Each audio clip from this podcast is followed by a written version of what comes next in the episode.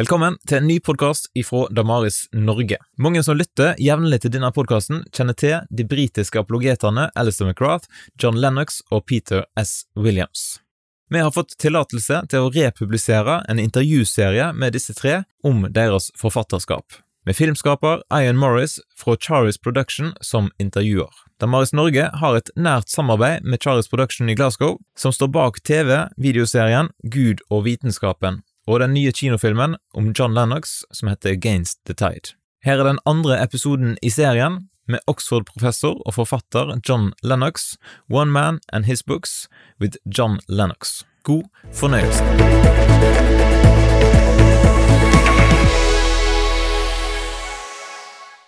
Hello and welcome to this edition of One Man and His Books, the program where you're given a tour of an author's works, learn about what they contain and what motivated them. Now, today's guest is Oxford Professor John Lennox, a mathematician, a philosopher of science, a famous champion of the Christian worldview, and of course, an author. John, welcome to the program. Thank you very much. Delighted to be with you. As an author, what are the different categories in which you write or, or, or indeed have written? Well, the first uh, things that I wrote in my life were mathematical research papers. Books came much later on. I wrote two mathematical monographs in the Oxford Research Mathematics series. And then in more recent years, I started writing books on several different topics. First of all, books on science and the God question, some books on scripture, on books of scripture, on the book of Daniel, on the parts of Genesis relating to creation, to the story of Joseph, or on the biblical treatment of human responsibility and ideas of determinism, a little book on how to share the Christian message, a topical book on where is God in the coronavirus world, a book entitled 2084 Artificial Intelligence and the Future of Humanity. And then I've written several books jointly with the late Professor David Gooding, including a series of five on the human quest for reality and significance. And then there are several short books, sometimes compiled from talks like Informatica on the ethics of information, that's in Hungarian, and a very talk book on the resurrection, and then various articles, both long and short, in journals and in edited books. Perhaps you're, you're best known for your books on God and science. What, what audience did you have in mind uh, as you composed the text? Well, of course, uh, the odd, the main audience I had in mind is the interested non-Christians who are exploring the whole question of whether there is a God or not. That was the main target audience, but I'm very well aware of the fact that many Christians desire more information on these things. And so I also had them in mind in trying to help them understand the Christian faith and how it relates to these topics so as to help them to engage with uh, the world. So, to what extent did the new atheism motivate your, your writing, uh, a movement that really was accelerated um, by Richard Dawkins' book, The God Delusion. And, and would you agree that the rise of new atheism has had a surprisingly positive impact in encouraging Christians to think? Well, let's take the second first. I certainly would agree that the new atheists have stimulated a great deal of thinking and indeed a, a great deal of interest in the God question. And that was a considerable motivation in my writing in several senses. First of all, it gave me a, a world platform. And uh, therefore, I, I realized that there was a tremendous need to respond, not only in the debates themselves, but more extensively in writing books on the topic. And so, in that sense, I'm very grateful to them. Now, two, two of your books in this category would be God's Undertaker and Gunning for God I mean, what broadly are they about and, and how are they different?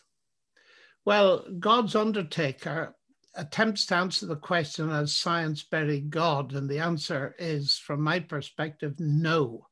It concentrates on science and the God question, full stop.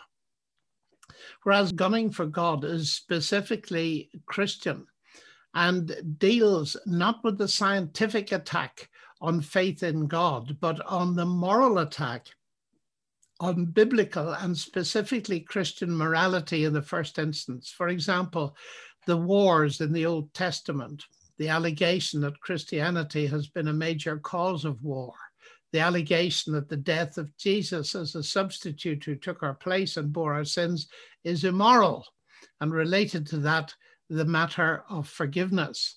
But the second strand in that, which of course is an integral part of talking about Christianity, is to show what exactly the gospel message is and to discuss the questions that arise the authenticity of the New Testament documents, the evidence for the miracles of Jesus and his resurrection, particularly in light of the criticisms of David Hume, the problems of suffering and evil, and so on. So they're very different books. The first is Science and God, the second surrounds and centers in Christianity.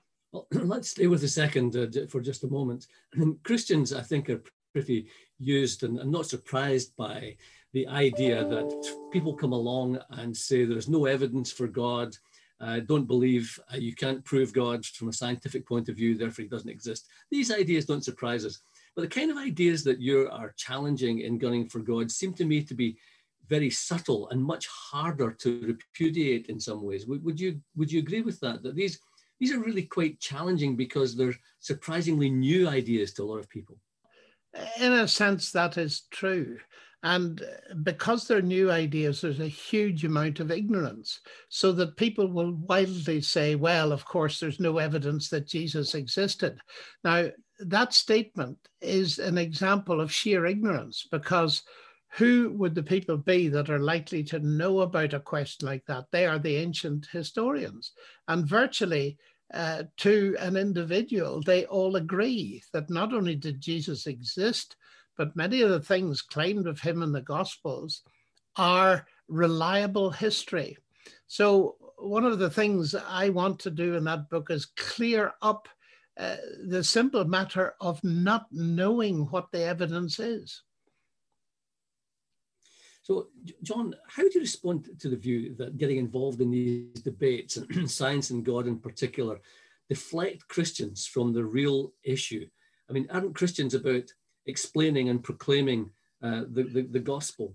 It's, it's also claimed sometimes that being involved in this area of science and God can at best lead only to deism and takes away the focus from the more important purpose of the church. What would you respond to response to that? That this this Professor Lennox is, is a side issue uh, for, for the church. Let's get back to our core business. Well, I think that's a confusion, to be frank. Yes, our central calling as Christians is to communicating the gospel. But what does communicating it mean? It means building a bridge into the world of the non Christian. And as a famous example, uh, the Apostle Paul, when he went to Athens, he started with issues of creation and the natural world. And that was not a distraction. It was laying the first important plank in the big picture presented by the drama of the Bible, nor was it deism.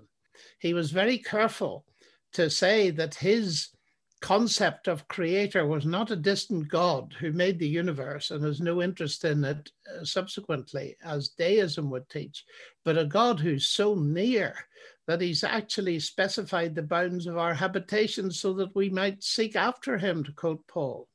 Now, the next thing is, Paul did not stop there. He builds a bridge from there to Christ and the heart of the gospel you said deflection from the real issue. That only occurs where some Christians get so involved in the science religion arguments that they stop there. It is no distraction if either they or their acquaintances have real questions in that area that need to be answered. It is no distraction if either they or their acquaintances have real questions in that area that need to be answered. Well, thank you for that very interesting re response, a much needed one, I think, because people are confused about this. Science and God, nothing to do with me, I think. I just want to return to the matters of the faith. So thank you for addressing that very important question. Now, you wrote a very a short book, a relatively short book called Can Science Explain Everything? And it proved immensely popular. And what was distinctive, do you think, about that book, and why did it prove so popular? There was a demand not only for a shorter book, but a book that, in a sense, combined, if I might say it, the best of God's Undertaker and Gunning for God.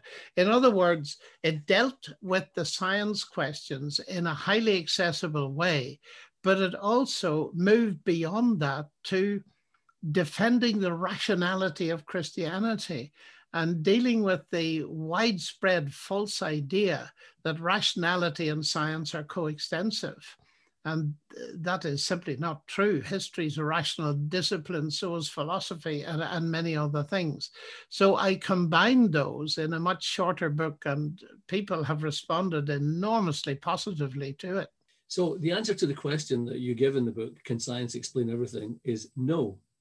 I, mean, can you help us to understand the sheer significance of that, that answer? Why is it so very important to understand that and to make it known? Well, science tends to, by and large, deal with the how questions, but it leaves out everything important to most people. That is, questions of meaning. And uh, that's why we need to discuss it seriously. Uh, in fact, uh, the very notion that science explains everything contradicts itself logically because that view, science explain everything, is not deducible for science. It's simply someone's opinion. And it's just so important to, to point out that the meaning questions science cannot address. I, I, cite Sir Peter Medawar, who won the Nobel Prize, a brilliant Oxford scientist. And he says it's so easy to see that science has its limits. It cannot answer the questions of a child. Where do I come from? Where am I going? What is the meaning of life? And he points out that you have to appeal to great literature and philosophy and theology and so forth to get answers to those questions. And so I'm addressing that very important distinction. I mean, when you put it like that, it seems so obvious that science can't explain everything. And yet we have this very popular idea in society today that uh, if science can't demonstrate it, then we should be very skeptical of it and it's probably not true. How on earth did we arrive at that position? Uh, by not thinking straight. You see, take a very simple example that I've got in the book. Why is the water boiling? And you can give an explanation in terms of the physics of heat that uh, a kettle is sitting on a gas flame and the heat's being transmitted to agitate the molecules. Or you can say it's boiling because I want a cup of tea. And those two explanations, they do not conflict, they don't even compete, they complement one another.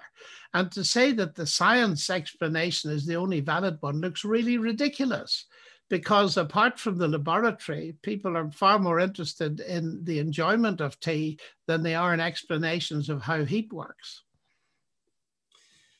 So, uh, John, you've obviously been very successful in representing, if you like, the Christian worldview against the atheist worldview, but you've also turned your attention to some controversies within the Christian worldview, shall we say.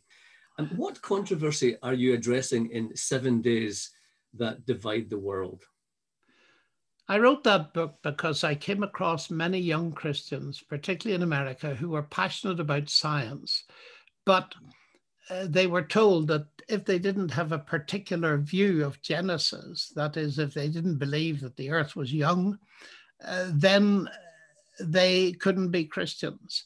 And I felt that that was a serious misunderstanding of scripture. So I decided to write a book to show people that although you can interpret the Bible in terms of a young earth. You don't have to. And I compared that with the situation four or 500 years ago, where people had interpreted the Bible as saying that the earth was fixed and didn't move. And then Galileo came along and said that it did move. And nowadays, most Christians believe that it does move. So you can interpret it as saying that the earth doesn't move, but you don't have to. And I passionately believe in the authority of Scripture, but we need to be careful with our interpretations. We might just get them wrong. And I wanted to help people think through the various possibilities without dogma, but to show them how to deal with matters of controversy in general and this particular one. Now, you could have entitled that book Seven Days That Divide the Church. do, do, do, do you feel that it's regrettable that so much time and energy is necessarily perhaps being spent on this issue that is maybe arguably a sideshow, although some people think it's absolutely fundamental. What's your view on that? Oh, it's highly regrettable because, in my view, the issue is easily solved. And it's of no interest to people outside the churches, not all around the world, but only in certain countries. And it seems to be a tragedy when the world outside looking in sees Christians fighting about this kind of thing and displaying highly unchristian attitudes, which calls the whole gospel and the credibility of their message into question. And that was another reason for writing the book to bring a little bit of sense and balance into this situation. It is a peripheral interest because it's not even mentioned in the New Testament.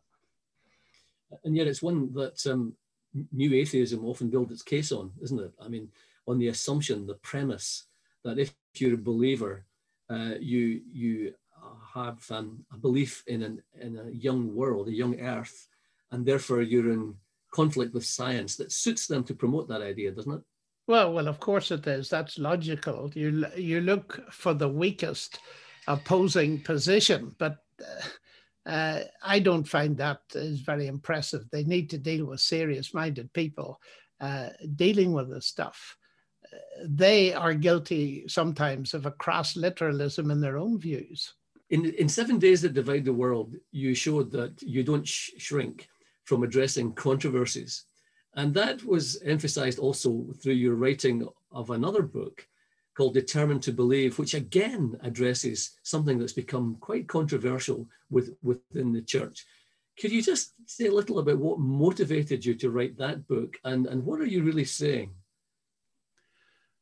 Well, that is an immense question. The, the fundamental issue that concerns me there is in what sense does God reign over this world? To what degree do human beings have freedom and therefore responsibility?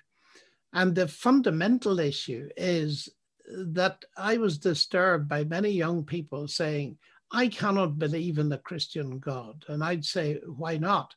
Well, they say, I, I'm told that he determines whether we go to heaven or not and we have no say in the matter. And if we're chosen, we will go. And if we're not, it doesn't matter what we do.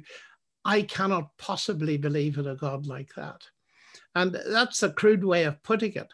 But the deeper issue is this if everything we do is determined, then we're simply robots and automata. And therefore, there cannot be any such thing as good and evil. Morality disappears because, of course, uh, right and wrong are things that depend on human freedom of choice to a certain extent. And they're introduced to us in scripture as that. And the wonderful thing I wanted to get across in the book is that the greatest gift that God has given to any of us is the ability to say yes or no. Because if we didn't have that, there would be no such thing, not only as morality, there would be no such thing as love and relationships. There would simply be automata, and God has not made us like that. And I wanted to defend the intuitive feeling that there's something seriously wrong with determinism. Now, that determinism comes in two kinds. There's the atheistic kind. Stephen Hawking and Richard Dawkins both gave every appearance of being determinists. And of course, that in the end, as Dawkins almost saw, led to an abolition of morality when he wrote DNA just is, and we dance to its music. There's no good, there's no evil. And that's a logical view. But in my book, I was more interested in theological determinism, where people speaking in the name of Christianity and the church insist on almost the same degree of absolute determinism as the atheists do. And so this book is a very serious, in depth investigation of major tracts of scripture in context to give people something to think about rather than just slinging verses at each other. Because when a conversation comes up like this, and one verse is cited, the opponent would say, ah, but what about this verse? And then, ah, but what about that one? And uh, that gets us absolutely nowhere. And so I try to avoid putting people into pigeonholes and concentrate on discussing in considerable depth how these ideas are raised in scripture and dealt with in scripture and how we can, I think, come to the reasonable conclusion that God is not a puppet master. Now, you could have entitled that book Seven Days That Divide the Church. do, do, do, do you feel that it's regrettable that so much time and energy is necessarily perhaps being spent on this issue that is maybe arguably a sideshow, although some people think it's absolutely fundamental. What's your view on that? Oh, it's highly regrettable because, in my view, the issue is easily solved. And it's of no interest to people outside the churches, not all around the world, but only in certain countries. And it seems to be a tragedy when the world outside looking in sees Christians fighting about this kind of thing and displaying highly unchristian attitudes, which calls the whole gospel and the credibility of their message into question. And that was another reason for writing the book to bring a little bit of sense and balance into this situation. It is a peripheral interest because it's not even mentioned in the New Testament. And yet it's one that um, new atheism often builds its case on, isn't it? I mean, on the assumption, the premise that if you're a believer, uh, you you have um, a belief in an in a young world, a young earth, and therefore you're in conflict with science that suits them to promote that idea, doesn't it? Well, well, of course it is. That's logical. You you look for the weakest opposing position, but uh, I don't find that is very impressive. They need to deal with serious-minded people uh, dealing with this stuff. They are guilty sometimes of a crass literalism in their own views. Now, I'm sure that serious minded people want to apply the ideas that they expound to the real world. And you've demonstrated that, of course, very clearly in a recent book called Where is God in the Coronavirus World? I mean, it addresses an obvious, perplexing question. In a nutshell, what answer do you give? Nutshell answers are really risky, especially when you're dealing with the hardest problem that anyone faces, whatever their worldview. But briefly speaking, I find the atheistic answer unsatisfactory as it removes all ultimate hope. It leaves the suffering and the pain, and it has nothing at all to say about the urgent issue of ultimate meaning. Whereas Christianity, on the other hand, tells us of a God who suffered in Christ on the cross, a Savior who has conquered death, so opens up the possibility of real hope now, that doesn't take the coronavirus away, but it's a window into possibilities that I believe need to be put on the table because for centuries, people have found immense comfort in the Christian message of having a relationship with God through Christ that transcends disease and death. Do you have any evidence that um, people are particularly interested in a question like this? I have a lot of evidence because my little book has been translated into 28 languages. It's appeared on the internet. There have been downloads hundreds of thousands of times over in each of the, the major language groups in the world. And uh, the interest is absolutely obvious to me. So another another point of um, major interest these days, increasingly so, is artificial intelligence. And um, perhaps quite surprisingly uh, for some, you've, you've turned your attention to that and you've recently published the book 2084. It has an intriguing title, of course, um, and you'll explain why, I hope. And it's also subtitled Artificial Intelligence and the Future of Humanity. Wow. Uh, what drew you to artificial intelligence, and, and what does this book say? I, am I'm, I'm not using the word in a nutshell this time. I feel thoroughly scolded about using that, inviting you to do that. But tell us what it's about. Well, artificial intelligence is extremely important in our world. Uh, it has led to a lot of hype and speculation about developing super intelligences who'll take over the world, the rise of the robots, all this kind of scenario which has got some people quite scared. The deeper issues that are raised by this are the nature of humanity itself. What will these modifications that certain people wish to do, how will they affect the nature of human beings? And there's a best-selling book by an Israeli historian, Yuval Noah Harari, called Homo Deus, the God man or the man who is God. And his thesis is that we're on the way to turning humans into gods. And uh, he has great hopes that genetic engineering is going to make us super intelligent. What I wanted to do in the book is not only deal with that, the highly speculative stuff, but deal with the good things that artificial intelligence is able to do, particularly in the field of medicine. It's being used to develop vaccines for COVID 19, for instance.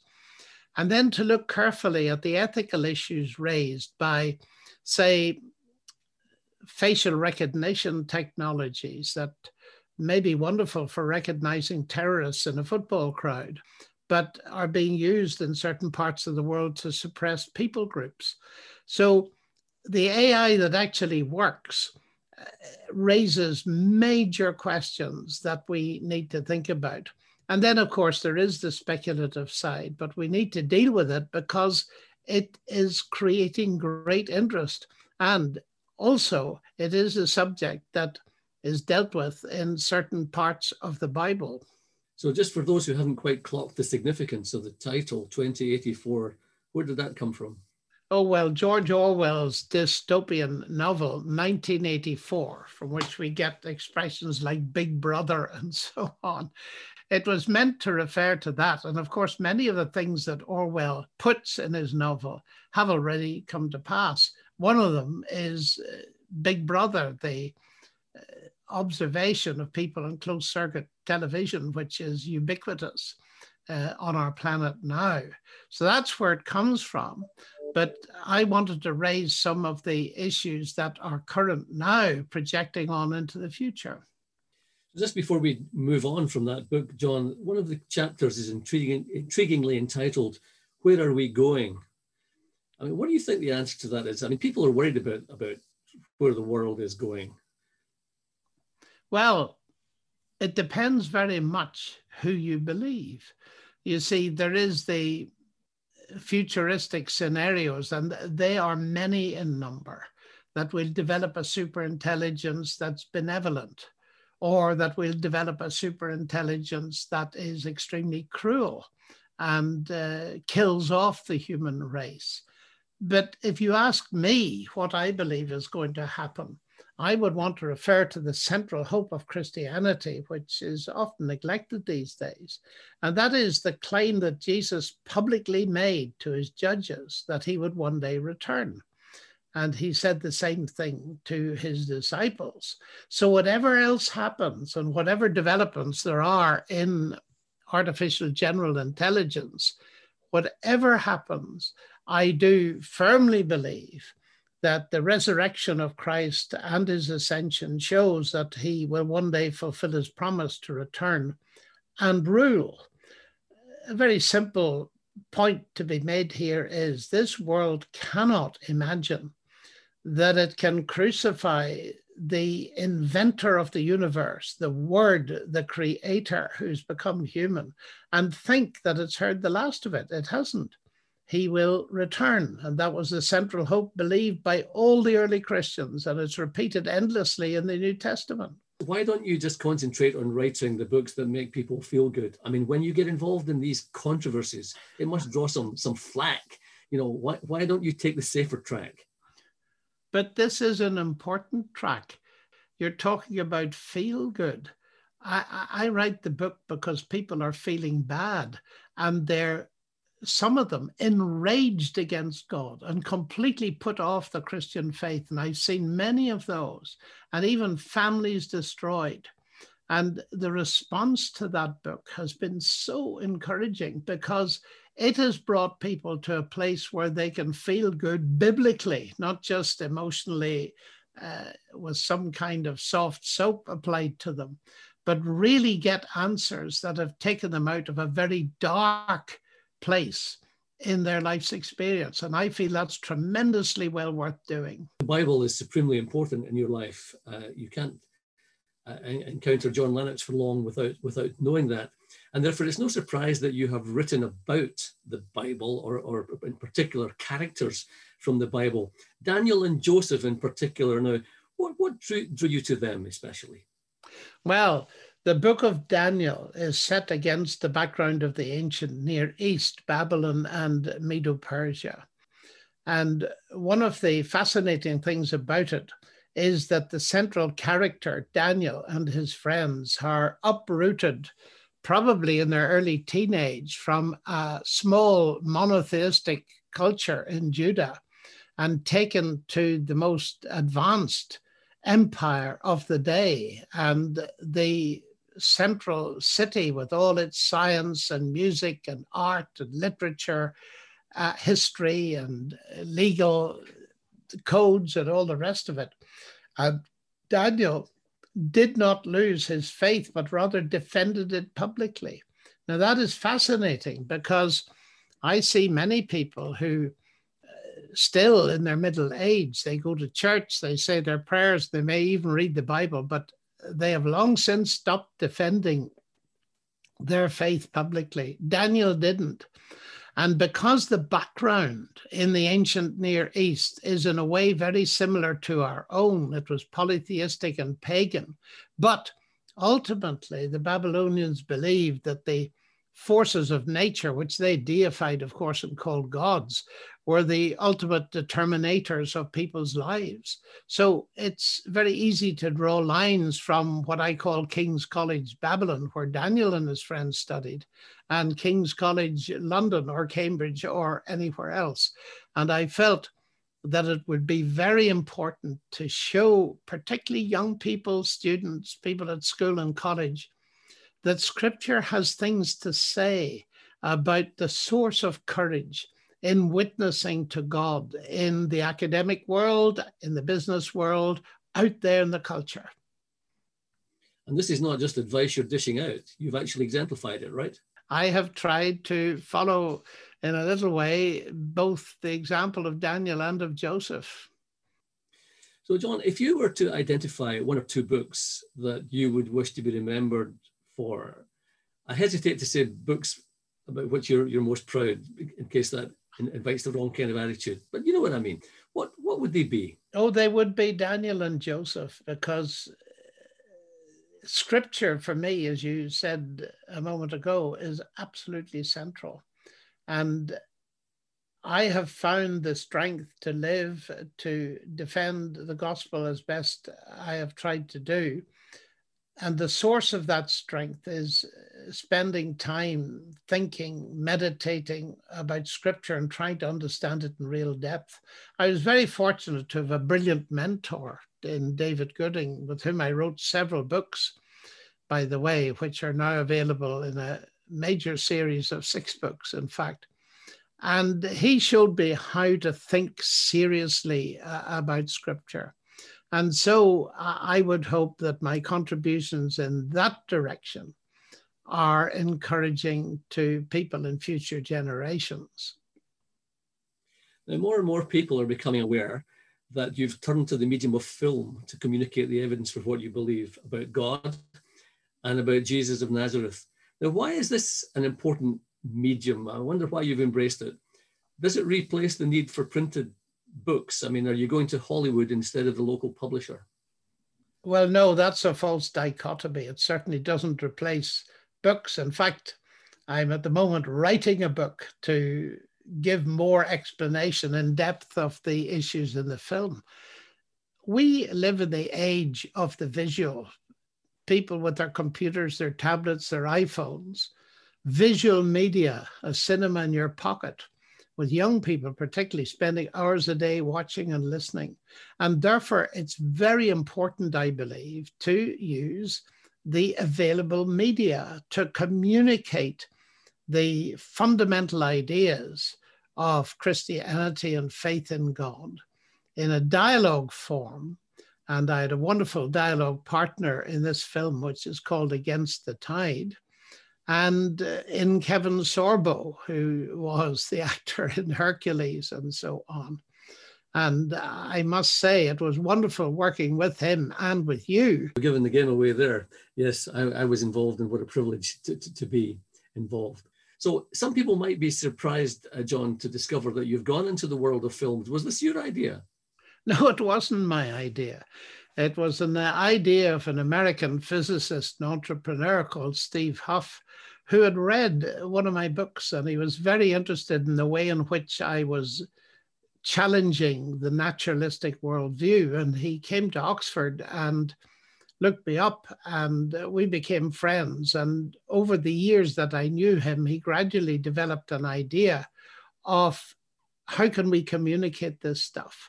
And eventually he thought it would be well worthwhile trying to make a film. So, Professor Lennox, our thanks to you immensely for sharing these insights with us today about your, your, your books and the reasons for writing them and what has inspired you. To the viewer, we'd say if as a result you wish to buy any of these books, please do support your local bookseller. In the meantime, from Professor Lennox and from me, thanks for watching and goodbye. Goodbye.